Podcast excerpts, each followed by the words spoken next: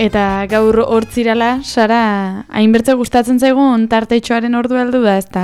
Bai, trekiti doinuak entzun ditugu, zebrabidean ia egunero, eh, entzuten ditugu trekiti doinuak, ekin ezuetan iaspalditi garelako trekiti zaleak. Ostiraletan trekiti doinuak jartzen ditugu, baina hori baino gehiago, eh? E, trekitixaren bueltan aritzen gara kontu kontari, andoitzan zizar Euskal Herriko trekitixa elkartetik, arratsaldeon.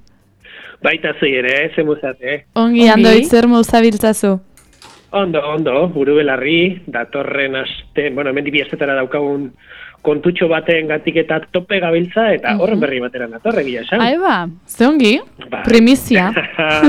bai, primizian alde batetik, e, bai, lehenengoak eh, izango da, eh, modu nazionalean edo esan dezagun, naiz irratitik eta entzuten duzuen eta primizian eskineko zaizu zein zertan ari geran, e, baina, bai, e, mendik eta bi astetara, San Josetako trikiti jaialdia izango dugu, Bai. erdi zerdi, Mhm. Eta pixkat esplikatu nahi dizuet, San Josetako jaialdia zergatik eta nola izan den, eta zein ibilbide izan duen, eta Bai. nola iritsiko geran badatorren martxoaren amaseira. Ados. Eta, bueno, ba, San Josetako trikitixa jaialdiak eta ulertzeko, ulertu behar dira lehenengo eta behin txapelketak.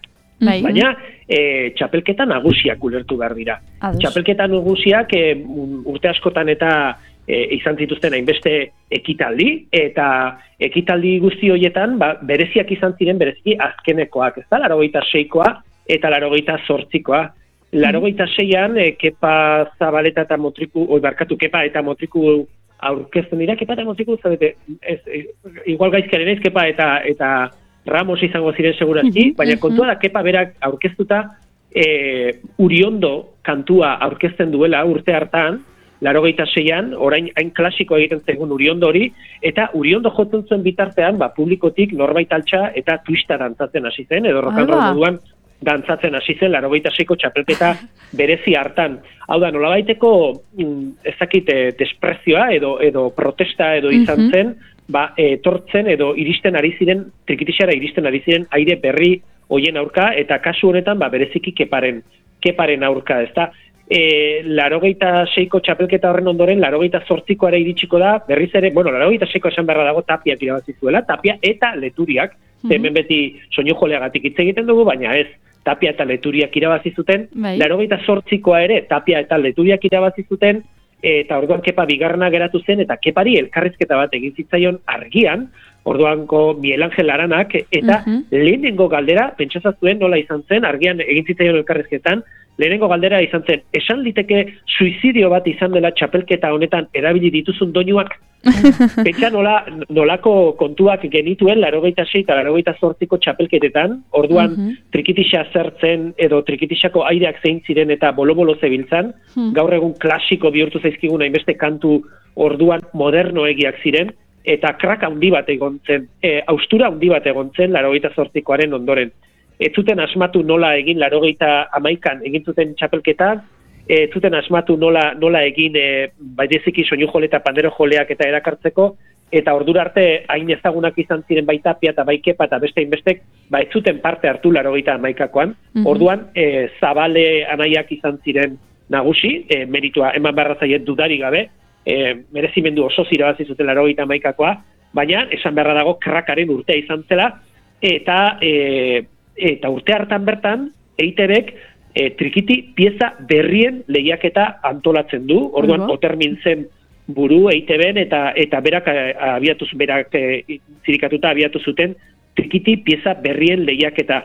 E, orduan egiten zuten, e, urtero egiten zen jaialdi hori, eta San Jose inguruan e, prestatzen hasi ziren trikiti pieza berrien lehiaketa hori larogeita amaikan, eta bi, urtero urtero egiten zuten urte batean trikitixa eta fandangoaren a, e, aireak e, ematen zituzten, eta urrengo urtean berriz porrusalda eta harinarinarenak. Hau da, trikitixaren eta fandangoaren sariak lehen urte hartan, larogeita amaikan eman zituztenak, ba, trikitixa Roberto Etxeberria eta Keparri Zabalak eraman zuten, eta fandangoa berriz imuntzok eta pelokik. Mhm. E, kantuak e, sortzen zituztenean, askotan sortzen zituzten trikitixati mundutik aratagoko e, sortzaileek sortzen zituzten, baina jotzaileak dudari gabe, bat munduko hain ezagunak izan diren e, partaideak izan dituzte e, jaialdi edo trikitixa pieza berrien trikitixa lehiak eta honek.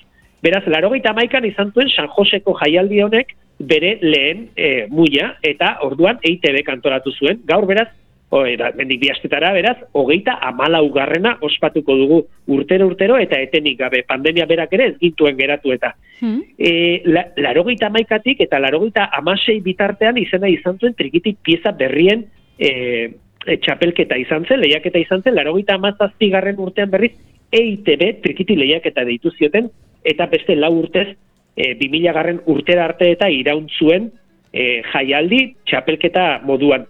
Eta ja, 2000 eta batetik ja dagoeneko jaialdi bihurtzen da, EITB kantolatzen jarraitzen du hasiera batean, baina gero trikitisa elkartearen eskuetara pasatzen da. Mhm. E, trikiti pieza berrien txapelketa hau, e, larogeita amaikan eta larogeita amabian donostian egin zuten, baina gero larogeita amairuan pasatzen azpeitiara. Eta hasiera batean landeta kiroldegian egiten zuten, jende asko biltzen zutela eta ba, izarraitz frontoira ere pasa zuten, eta han gertatu zeitzaiguna zen, ba, sonoridade kontuak zirela eta ba, kalidade hobearen esperantzan eta edo intentzioarekin soreazu antzokira salto egin zuela jaialdiak 2000 eta amabian. Beraz, gaur egun ezagutzen dugun San Josetako jaialdiaren ibilbidea aramundi datorren, Bai. eta ze lotura zuzena daukan Mhm. txapelketarekin. Bai. Gaur egun, ba, aipatu bezala, soreazu antzokian egiten dugu. Beraz, hemendik eta bi astetara ere, martxoaren amaseian, arratsaldeko bost erdietan hasita, ba, e, San Josetako, hogeita amalaugarren trikiti jaialdia ospatzera goaz. Mhm. Eta bertan, ba, e, urte guzti hauetan eta omenaldia bat izan diren be, bezala, aurten ere omenaldia egitera goaz. E, nik erregistran bilatzen aritu naizenagatik eta e, trikitisa elkartearen eskura ez dakit ez daukat garbi zein urtetan etorri zen, baina 2000 eta zazpitik aurkitu ditut zenbait kartel eta zenbait kontu, eta 2000 eta zazpitik ona, ba, ba, hainbat izan dira e, omenduak, ba, arizterrazu bera, pentsazatu ez, da, erromerik gunea e, bera, eta erromerik gunea aurrera eramaten zutenak, ez, hobeto esan da, omenduak izan ziren 2000 eta zortzian. E, urki, e, soinu jolea eta ziolar, pandero edo, bueno, perkusio jolea esan berko da, haiek Bai. ere omenduak izan ziren, azpeitia bera ere, bai, berez azpireun urte betetzen zituelako 2000 eta marrean, eta orduan ba, jaialdi berezia egin zen, eta orduan hasi ziren baita ere, gainera jaialdi honetan, soinu eta panderoa zaratagoko bestelako instrumentazioak edo bestelako taldeak ere e, erakartzen edo ekartzen eta gitarra talde batek parte hartzen du 2000 eta marrean adibidez. Mhm. E, oiekin batera pandero jolak ere bai, Juan Estena Romerastegi, Luis Alberti Zabale, Manuel Arrizabalaga Izer, e, Tomas Zendoia bera 2000 eta malauean, eta 2008an Tomas Epelde, Tomas Oraluze Epelde omendu genuen. Mhm. E, beraz, omenaldiak e, bereak ditu baita ere jaialdi honek eta urten ere bagatoz omenaldiarekin. Hmm. Eta jotzaileen artean ere, partaiden artean, ba, bereziak izan diren, hain beste parte hartu izan dute. Ba, junkerak berak edo kepak berak parte hartu duen bezala, tapiak ere bera parte hartu izan duen bezala, eta Laja eta Martin, eta izen handia eta ezagunakin batera, ba, hain ezagunak ez ziren, adibidez, 2006an, untza taldeak, eta oraindik ezaguna etzen, untza taldeak parte hartzen du. E, izen horrekin gainera, untza izenarekin, eta 2006ko neguan, edo udazken aldera, famatu egingo zaigu, bat batean. Baina, hauek ere San Josetatik pasa ziren.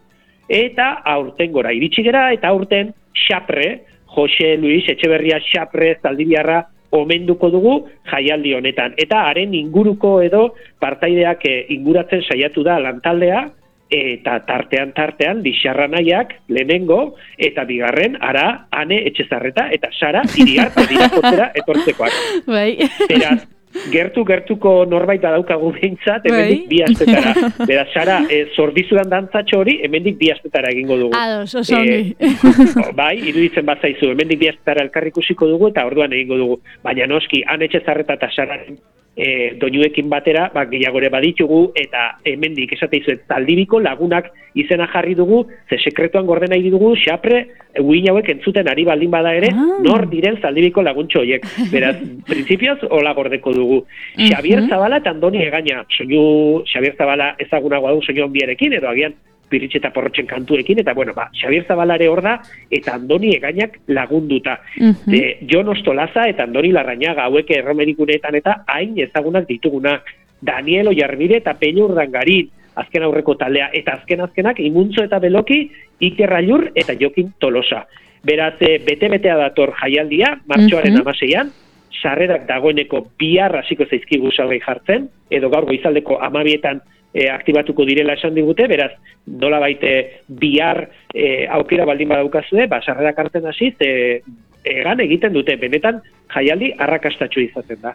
Hau izaten da jaialdi bat, e, Mhm. soinuaren edo trikitixaren nola baiteko abaniko zabal guzti horren zatitxo bat elikatzen duena, eta zati e, autoktonoagoa edo azpeiti inguruan eta gusto handia daukaten trikitixa hori elikatzen duen jaialdi izaten da, eta benetan arrakastatxo izaten den jaialdi izaten da. Beraz, Sara, Bai. presta zaitez, bosteun eta berrogei lagun izango ama, parean, wow. Eta denak gogoz eta e, e, egarri egongo gera zu entzuteko, zu ere entzuteko. Ausardia Baina da xaprek izango duela protagonismoa, eh? Bai, noski. Xapreri utziko diogu protagonismo guztia. Tira, ba, ba ze ongi goa, jar, e, piztu diazu, eh, joateko, andoitz, Sara Bai, ikusi nahi dut ba. nik ere. Ekine mugitu, ze benetan sarrerak egan egiten dute, eta komendatzen dizut, ahalik lasterren sartzea kulturaz webgunean, eta eta historiaren parte izateko hogeita mala urte hoien ondoren era, antxe egongo gelara San Jose antolatzen, pentsa ez, txapelketetatik abiatu eta noraino iritsi geran. Mhm. Beraz, San Josetako jaialdia, martxoaren amaseian. Ederki, apuntatu gelditzen da, entzuleak ziurrere apuntatu duela, Bai. eta Sara, gogo zaude? Mm, gogoz, bai, urduri, urduri ere, bai, ja urduritzen hasita. Tira, Lasai, Bertan egongo gera zu babesteko sara, eta Ederki. goxo hartuko da. Kompainia honean, ederki, ze goza da. Andoitz, ba, mila esker, eh, San Josetako jaialdia hain ongi kokatzearen, eta urtengorako ba, motorrak berotzearen. Eskerrik asko, bertze aste batez gurekin hemen izateagatik. Eskerrik asko zuei, eta segi trikitizale izaten. Aio! Aio, ongi zan. Aio. Marco Bernotti